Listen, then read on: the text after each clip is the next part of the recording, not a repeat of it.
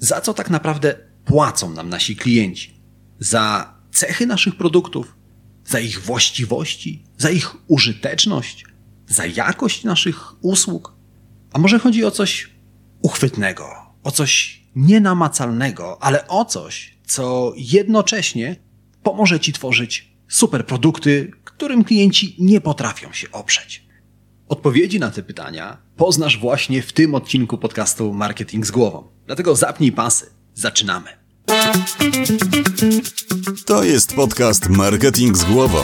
Źródło wiedzy dla przedsiębiorców, handlowców i marketerów, czyli dla osób, które chcą sprzedawać lepiej i chcą sprzedawać więcej.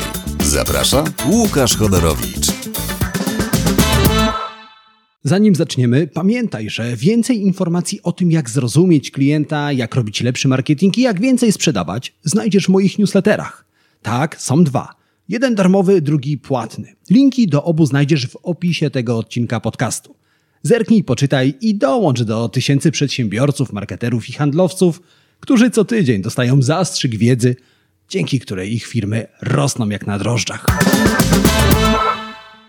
W tym podcaście niezmiennie zaglądamy do głów Twoich klientów i szukam odpowiedzi na pytanie, jak klienci kupują. Dlaczego to robię? Dlaczego tak bardzo mnie to interesuje? Bo dzięki temu pomagam Ci robić lepszy marketing i pokazuję, jak możesz sprzedawać więcej produktów i usług. A wiedza, którą dzielę się z Tobą w tym podcaście za darmo, pochodzi z badań na temat marketingu, badań na temat psychologii i mojego doświadczenia w pracy z firmami takimi jak Twoja. W książce pod tytułem Przyjemność psycholog Paul Bloom odpowiada na pytanie, dlaczego niektóre przedmioty cenimy bardziej od pozostałych.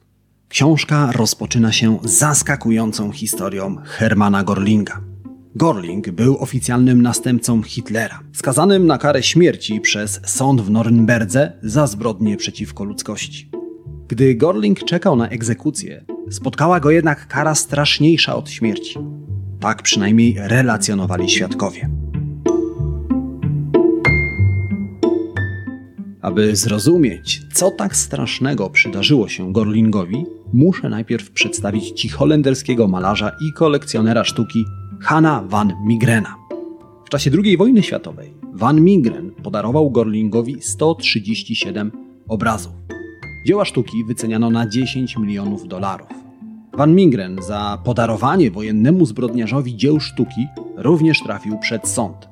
Po zakończeniu II wojny światowej za układanie się z nazistami groziła taka sama kara jak za zbrodnie wojenne. A więc podobnie jak Gorlingowi, Van Mingrenowi również groziła kara śmierci.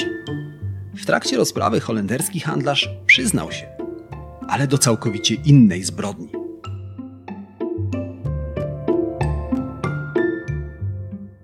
Zeznał, że w rzeczywistości podrobił wszystkie dzieła sztuki i sprezentował Gorlingowi falsyfikaty.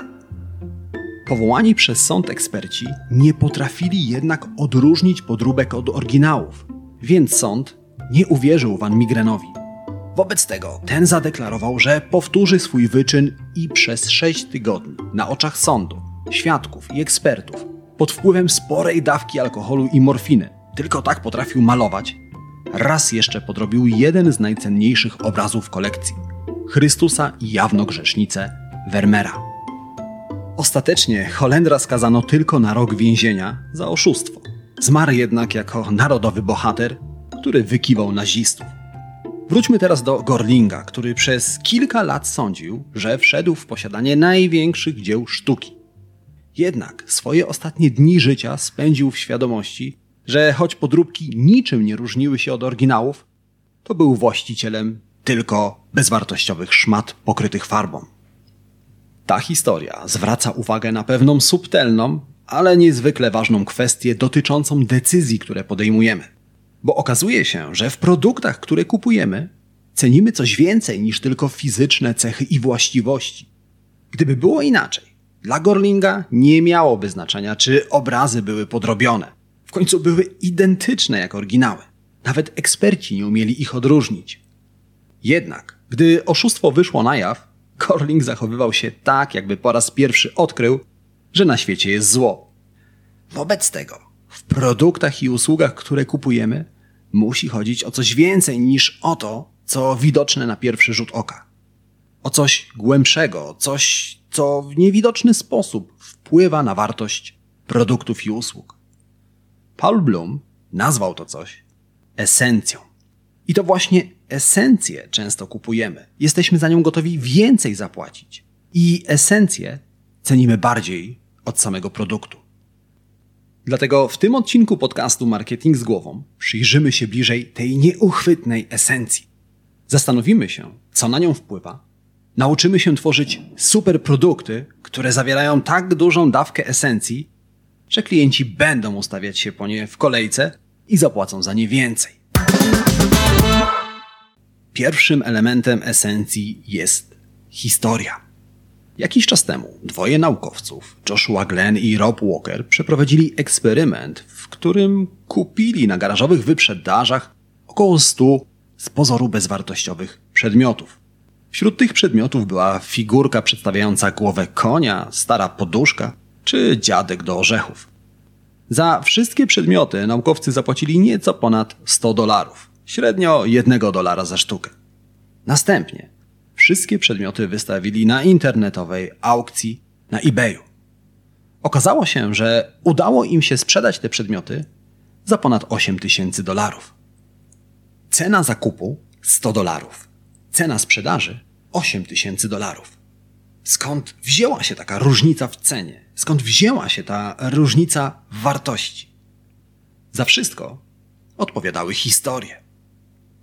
Zanim naukowcy wystawili przedmioty na eBayu, poprosili znanych dziennikarzy i pisarzy, aby do każdego przedmiotu ułożyli historię. I tak bezwartościowa figurka przedstawiająca głowę konia stała się pamiątką po niedawno zmarłym dziecku. Stara poduszka stała się symbolem utraconej miłości, a dziadek do orzechów przypominał o podróży, którą zakochani odbyli dookoła świata. Te historie nadały przedmiotom wartość, wlały esencję do przedmiotów a za esencję jesteśmy gotowi więcej zapłacić. Czasami nawet kilkanaście razy więcej. W Japonii produkuje się słynną wołowinę Kobe. Burgery z tej wołowiny kosztują nawet 5000 dolarów za sztukę. Ta wyjątkowa wołowina, z której robi się tak cenne burgery, pochodzi od japońskich krów Wagyu. Wagyu to po japońsku po prostu japońska krowa. A krowy Wagyu nie różnią się w gruncie rzeczy od swoich europejskich kuzynów. Na czym więc polega fenomen wołowiny z tych krów? Krowy Wagyu spędzają całe dnie na słuchaniu muzyki klasycznej. Oprócz tego w krowim spa są poddawane specjalistycznym masażom. Poza tym niektórzy hodowcy podają swoim krowom do picia piwo. Mięso z tak zrelaksowanych i dobrze utrzymanych krów ma podobno smakować wyśmienicie. Bez względu na to, czy to wszystko jest prawdą, czy tylko branżowym mitem, jedno jest pewne. Historie, które opowiadają sobie smakosze wołowiny Kobe, wpływają na esencję wołowiny i na jej horrendalne ceny. Dlatego pierwszą rzeczą, która wleje sporą dawkę esencji do Twoich produktów i Twoich usług, jest unikalna historia. Ale nie tylko historia wpływa na esencję produktów. Nie bez znaczenia jest również jego nazwa. Pisarz George Bernard Shaw miał w zwyczaju mówić: Słowa są tylko znaczkami pocztowymi dostarczającymi ci jakiś obiekt do rozpakowania. W podcaście Marketing z głową nieraz wspominałem o tym, że nazwa produktu czy nazwa usługi jest kluczowym elementem, który bierzemy pod uwagę podczas zakupów. Nazwą produktów i usług poświęciłem cały 56 odcinek podcastu Marketing z głową.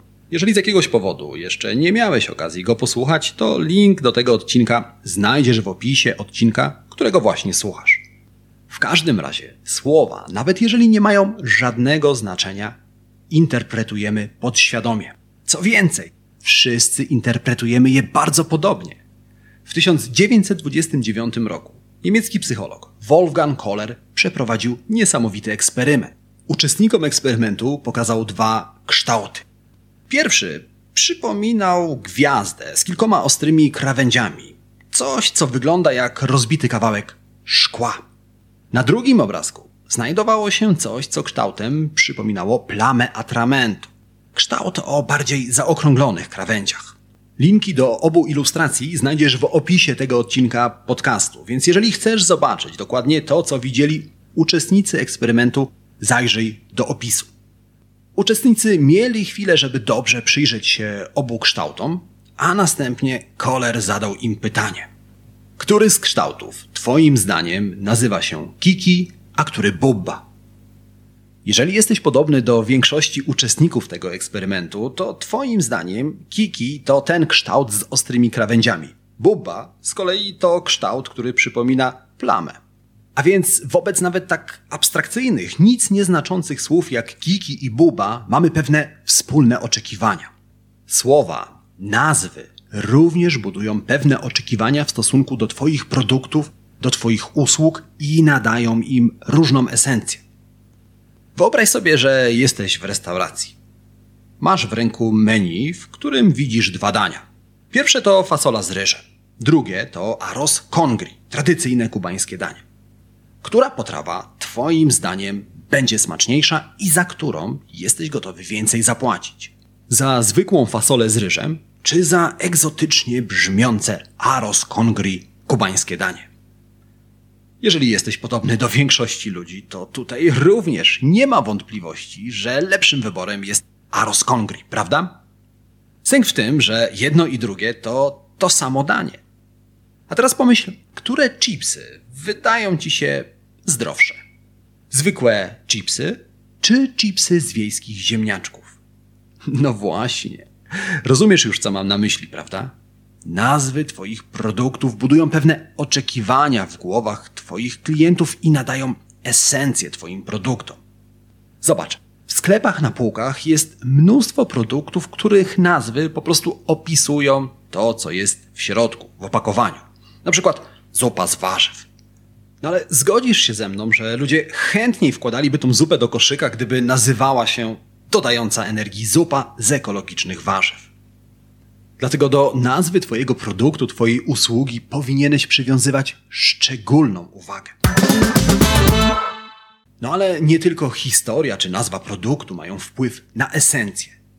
Okazuje się, że przedmioty mogą zarażać się esencją od innych przedmiotów, a nawet od ludzi. James Asile był Warrenem Buffettem przemysłu jubilerskiego. Czego się nie dotknął, zmieniał w złoto. Dosłownie. W 1970 roku u wybrzeży wyspy Tahiti Asael odkrył czarne perły. Instynkt podpowiadał mu, że dzięki swojemu odkryciu zbije fortunę.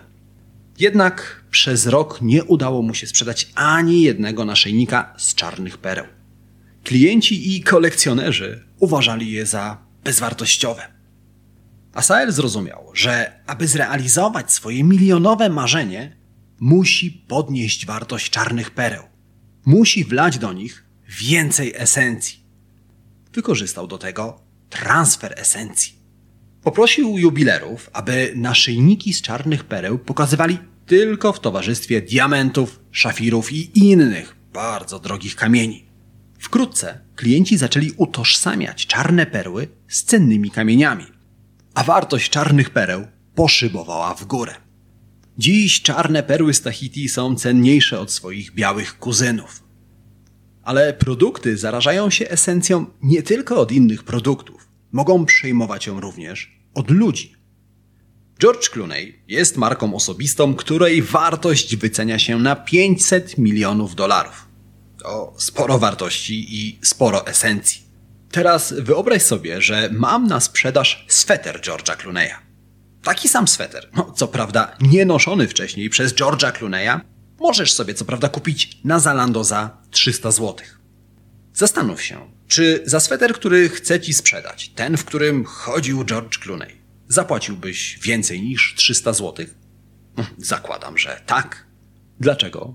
Ponieważ część esencji George'a Clooney'a spłynęła na ten sweter. A teraz wyobraź sobie, że pokazuję ci dwa identyczne laptopy, ale na jednym naklejam logo Ferrari. Który z tych laptopów wyda ci się szybszy i za który jesteś gotowy więcej zapłacić? A teraz porozmawiajmy o paście do zębów. Do wyboru masz dwie identyczne pasty, ale jedną reklamuje facet w białym kitlu, który najprawdopodobniej jest dentystą. Która pasta tym razem wyda Ci się lepsza? Ta, której nikt nie rekomenduje, czy ta, którą poleca dentysta? Pamiętaj, że obie pasty są identyczne. A jednak, nawet mając tego świadomość, chętnie wybierzemy pastę, którą poleca dentysta. Dlaczego? Ponieważ część esencji dentysty spłynęła na produkt. Z tego samego powodu zwykłe portki do jogi reklamowane przez Ankę Lewandowską automatycznie stają się więcej warte. No dobrze, a więc mamy już historię, nazwę produktu, transfer esencji, ale jest coś jeszcze. Coś, co również doda sporą dawkę esencji do Twojego produktu. Ten odcinek podcastu Marketing z głową zaczęliśmy od historii obrazów, które w jednej chwili straciły swoją wartość. Choć obrazy na pierwszy rzut oka nie różniły się od oryginałów, brakowało im czegoś ulotnego, czegoś, co jest ważnym składnikiem esencji. Trudu wykonania. Odurzony narkotykami i alkoholem fałszerz bez większego trudu skopiował obraz Vermeera. Jednak artysta, Vermeer, aby namalować dzieło, musiał włożyć w niego więcej trudu i całe lata doświadczeń. Przyjrzyjmy się teraz innym artystom. Firma Steve'a Jobsa sprzedaje komputery. W gruncie rzeczy komputery Apple'a w środku nie różnią się od komputerów innych marek. Jednak, jak zapewnia Apple, firma wkłada w ich zaprojektowanie tylko nieznacznie mniej trudu niż wkładał w swoje obrazy Vermeer. Jonathan Ive, szef projektantów Apple'a, tak opowiada o procesie tworzenia produktów z logiem jabłuszka. We've tried to create an interface that is unobtrusive and receives Dla każdej wyprodukowanej części musimy stworzyć specjalistyczne narzędzie. Tylko wtedy udaje nam się wyprodukować to, co wyprodukować chcemy. Na nowo zaprojektowaliśmy każdy pojedynczy element MacBooka, każdą płytkę i każdy mikrochip, aby jeszcze lepiej do siebie pasowały, zajmowały mniej miejsca, dzięki temu komputer jest jeszcze cieńszy. Poświęciliśmy mnóstwo czasu na zaprojektowanie komputera, który nie potrzebuje wiatraczków. Dzięki temu komputer jest ultra cichy. Ten sposób Jonathan Ive opisuje każde nowo wyprodukowane urządzenie. Swoją drogą, to jak to robi jest dziełem sztuki samym w sobie. W każdym razie, trud wykonania dolewa kolejną porcję esencji do produktów Apple'a. Dlatego ty również powinieneś udowodnić Twoim klientom, ile trudu kosztuje Cię Twoja praca. No ale jest jeszcze jeden rodzaj trudu, który również zmienia produkty w superprodukty. Ten trud to trud zdobycia. Sporo w tym odcinku podcastu czasu poświęcamy dziełom sztuki, ale to dlatego, że na dziełach sztuki najlepiej zobrazować to, czym jest esencja. I gdybyśmy teraz zastanowili się, dlaczego dzieła sztuki są takie cenne, to szybko dojdziemy do wniosku, że jest ich bardzo mało. Dzieła sztuki są rzadkie i trudno je zdobyć. Tak samo jak diamenty. Jedne i drugie nie leżą na ulicy. Naprawdę trudno je zdobyć. I gdybym teraz powiedział Ci, że na konsultację ze mną do końca roku został już tylko jeden wolny termin, to automatycznie dodałbym więcej esencji do moich konsultacji.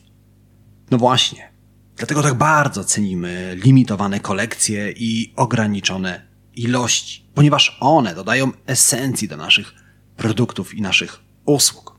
Pamiętaj o tym. I w ten oto sposób dolecieliśmy do końca dzisiejszego odcinka podcastu Marketing z głową. Czas więc na podsumowanie i trzy najważniejsze rzeczy, które warto wynotować z tego odcinka. Ale tradycyjnie już. Najpierw mam do Ciebie dwie bardzo proste i szybkie prośby.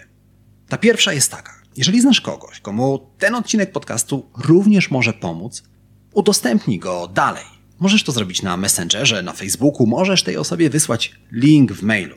Jakikolwiek sposób będzie świetny. A ta druga prośba.